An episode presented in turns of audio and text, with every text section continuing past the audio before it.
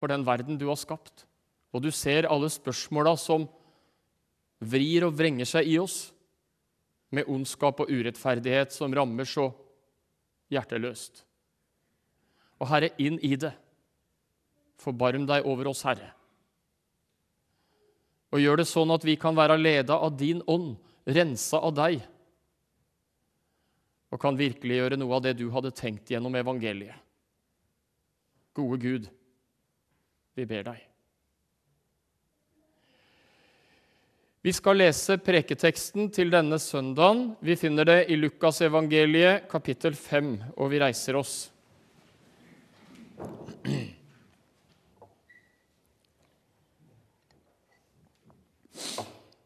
En gang Jesus sto ved Genesaretsjøen, og folket trengte seg om ham for å høre Guds ord, fikk han se to båter som lå ved stranden. Fiskerne var gått ut av dem og holdt på å skylle garnene. Jesus steg opp i en av båtene, den som tilhørte Simon, og ba ham legge litt ut fra land. Så satte han seg og underviste folkemengden fra båten. Da han var ferdig med å tale, sa han til Simon.: Legg ut på dypet og kast noten til fangst. Mester, svarte Simon, vi har strevd hele natten og ingenting fått. Men på ditt ord vil jeg kaste noten. Så gjorde de det, og fikk så mye fisk at noten holdt på å revne. De ga tegn til kameratene i den andre båten at de skulle komme og ta i med dem. Og da de kom, fylte de begge båtene så de var nær ved å synke. Da Simon Peter så det, kastet han seg ned for Jesu føtter og sa, Gå fra meg, Herre, for jeg er en syndig mann. For han og alle som var med ham, var slått av undring over den fangsten de hadde fått.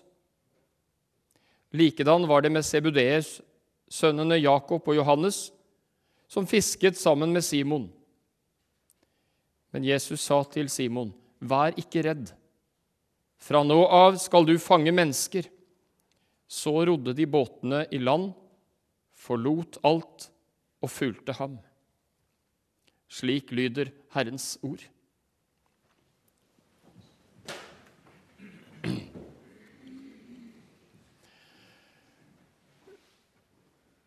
For ei stund siden spurte min gode sjef Bertil om eh, jeg kunne representere Delk ved Misjonsselskapets generalforsamling.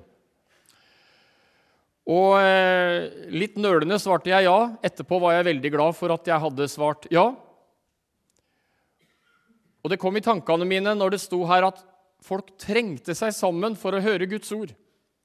Og det å være nesten 1000 mennesker eh, i en eh, hotellsal på Stjørdal, og det å være mennesker fra mange land, og det å høre ikke minst vitnesbyrdet fra en trosbror i Egypt, en prøvet kirke, som har erfart på kroppen hva det er å møte motstand for Jesus skyld.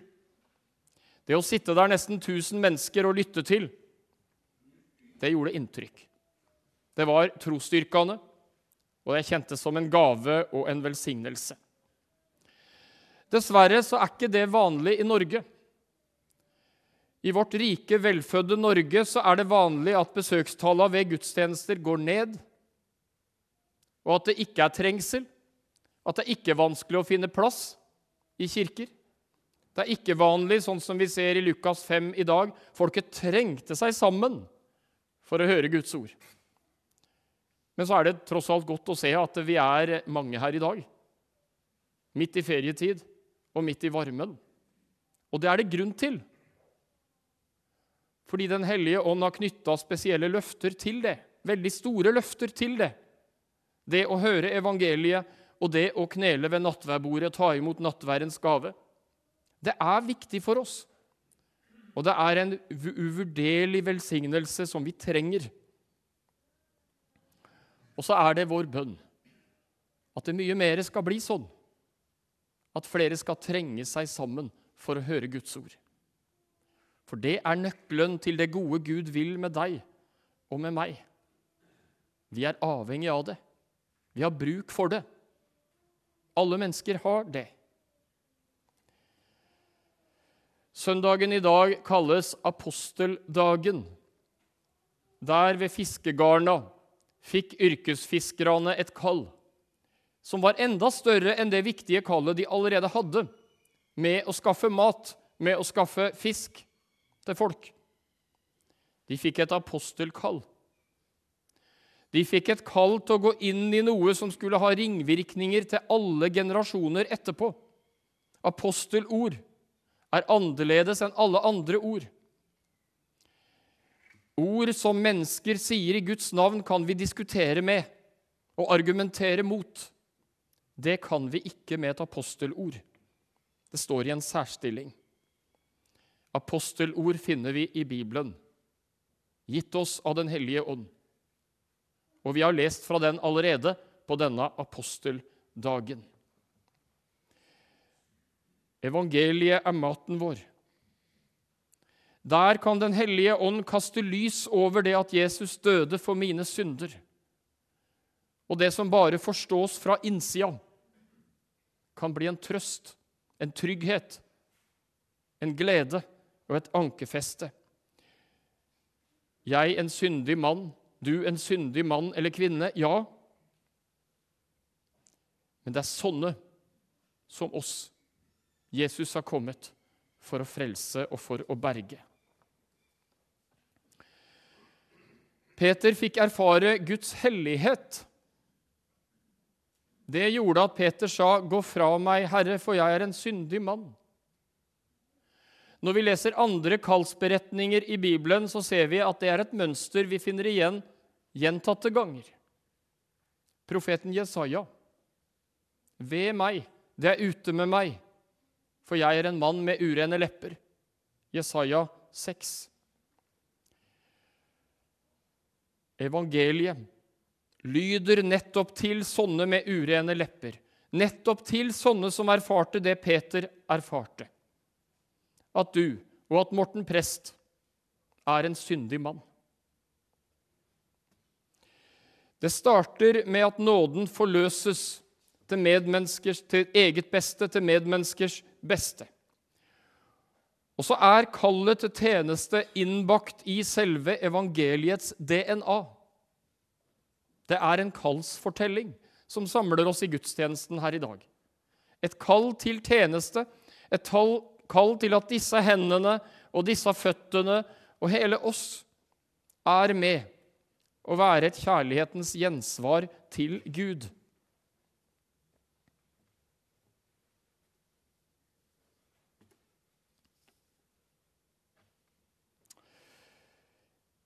For intet har dere fått det, for intet skal dere gi det.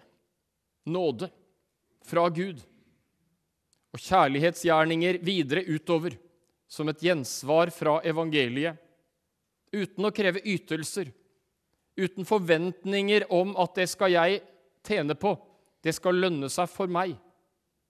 Det er noe av evangeliets vesen, og det er noe av den hellige, hva Den hellige ånd ønsker å skape. Jesus brukte ofte bilder, og, og Jesus bruker bilder i dagens tekst. Alle gode kommunikatorer bruker bilder. Det må til om vi skal kommunisere godt. Men til og med når Jesus brukte bilder, så var det også sånn at bilder halter. Bilder er ikke vanntette. Eh, en side ved dette bildet som halter, er at for en fisk så er det jo ikke befrielse å bli fanga i et garn. Er det best for fisken å bli fanga i et garn fratatt sin frihet og svømme rundt omkring i vannet eh, og heller havne på et middagsbord. Er det så bra for fisken? Ehm, og jeg tar det som et eksempel for å vise at bilder må ikke presses. For det er ikke det bildet vil fortelle. Og det er ikke her vi skal bruke analogen. For det å settes fri gjennom evangeliet, det å få møte menneskefiskere, er ikke en dårlig skjebne, sånn som det er på fisken i den betydningen. Vi settes fri gjennom evangeliet, og det har ringvirkninger på alle plan. Der Den hellige ånd får gjøre sin gjerning trinn for trinn inn i et menneskes liv. Det er livselementet vårt å leve tett på Jesus. Like mye som vannet er livselementet for fisken. Og for menneskefiskere så vil jeg gjøre dere til menneskefiskere. Så går kallet til omsorg for hele mennesket, kropp og sjel, innvevd i hverandre. Det kan ikke og det skal ikke skilles. Det er integrert på det tetteste i hverandre. Forkynnelse og diakoni.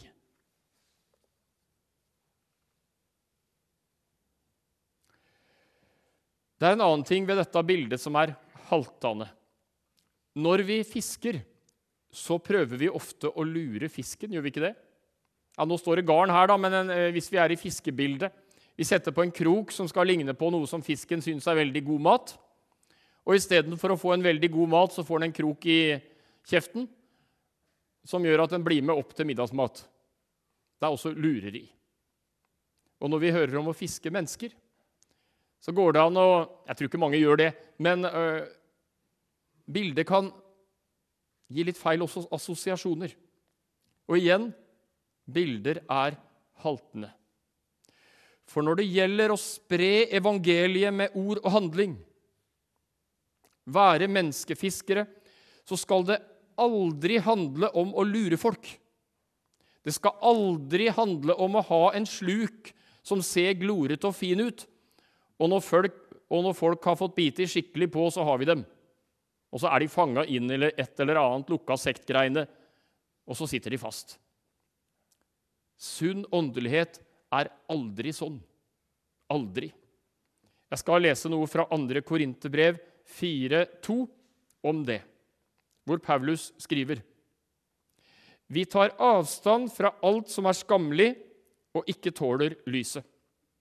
Vi bruker ikke knep, altså ikke fiskesluk, og vi forfalsker ikke Guds ord, sier apostelen. Åpent legger vi sannheten fram, og for Guds ansikt stiller vi oss selv fram, så alle mennesker kan dømme oss etter sin egen samvittighet. Åpenhet, ærlighet, gjennomskinnelighet. Ingen knep, ingen triks. Sånn vitner apostelen om sin tjeneste. Og sånn er sunn åndelighet. Tilbake igjen til den store fiskefangsten. Den peker fram mot den store misjonstida, som begynte første pinsedag. Og på den dagen fikk fiskeren Peter oppleve en mye større og rikere fangst enn der den overveldende dagen ved Genesaretsjøen. 3000 ble lagt til menigheten, står det tidlig i apostlenes gjerninger. Jeg kan bli motløs over sånne tall. I min prestegjerning og i min tjeneste så opplever jeg ikke noe som er i nærheten av det å se at her kommer det 3000 til på én dag. Og så vet jeg samtidig at motløsheten gir ikke mye krefter. Og så får jeg heller takke Gud for de bitte små fruktene jeg får lov til å ane. Og takke Gud for dem. Og be om at Gud må velsigne de smuler som deles ut. Og tenke stort om det. På ditt ord vil jeg kaste ut garna. Trofasthet med hver våre vidt forskjellige nådegaver. Og noen av dere har nådegaver som ikke syns i det hele tatt. Og det betyr ikke at de er mindre viktige. Det å koke kaffe, det å tilby skyss til noen og mange andre ting som skjer i det stille, er med som en del av det store teamet av menneskefiskere som er i ferd med å spre det gode budskapet ut, og er i ferd med å kaste ut garna.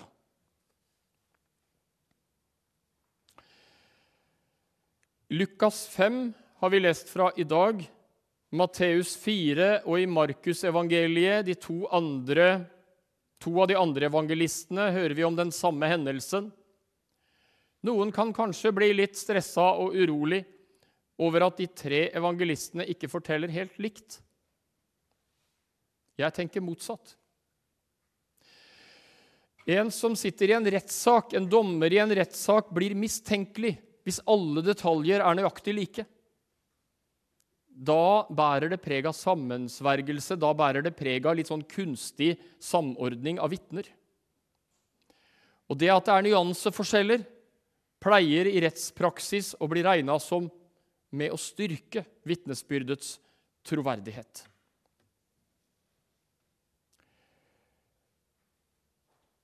Lukas 5 er en kallsfortelling.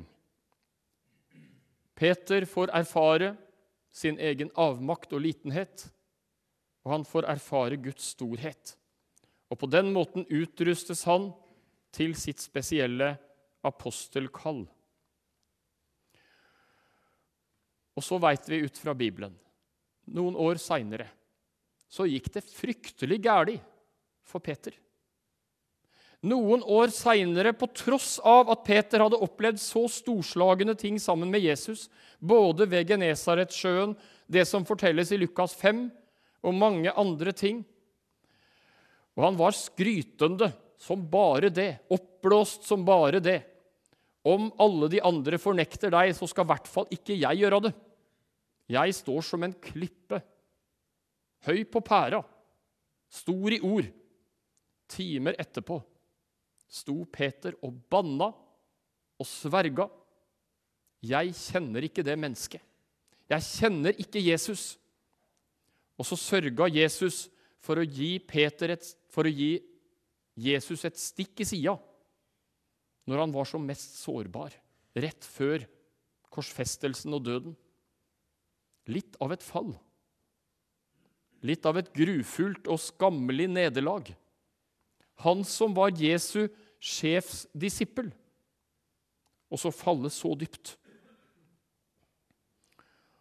Og kan du se for deg, når Jesus etterpå med vare hender plukker opp vrakrestene, vrakrestene etter det ødelagte, etter den skakkjørte Peter. Når han plukker opp de vrakrestene, det leser vi om i Johannes 21. Da skjer det et nytt fiskeunder. Og det er, tenker jeg, ikke det samme fiskeunderet som vi finner beretta om hos de tre andre evangelistene. Et nytt fiskeunder. En kallsfornyelse til Peter. Nå trenger han det. Der han er på vrakrestene av et ødelagt disippelkall.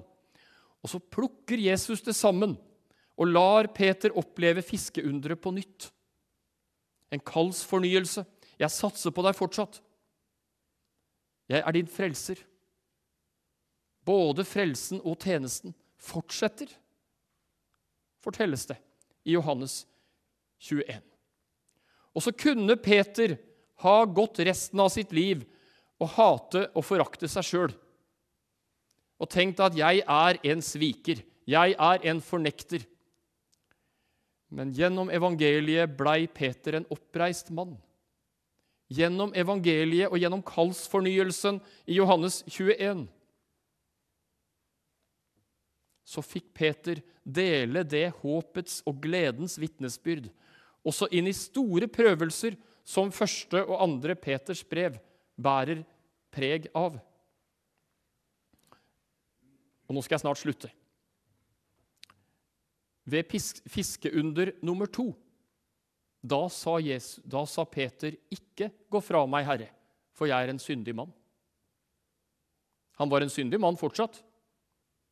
Og det var han så lenge han levde, og det er jeg så lenge jeg lever. Men han sa ikke det. Det hadde skjedd en modning. Det hadde skjedd en endring i følge med Jesus. Og det hadde skjedd noe som gjorde at de orda lød ikke den gangen. Men i stedet kasta Peter seg i vannet med klærne på og svømte så fort han kunne for å komme enda tettere på Jesus. Det er han jeg må være nær. Det er han jeg trenger. Det er han jeg er avhengig av. Du med nåden, jeg med skammen, og hvor vi dog passer sammen. Der må jeg leve. Der må jeg være. Det er plassen min. Der finner jeg trøst og trygghet. Og der lyder fredsønsket fra Jesus, som lyder så sterkt i preketeksten til i dag. Fred gjennom Jesus Kristus, vår frelser. Ære være Faderen og Sønnen og Den hellige ånd. Amen.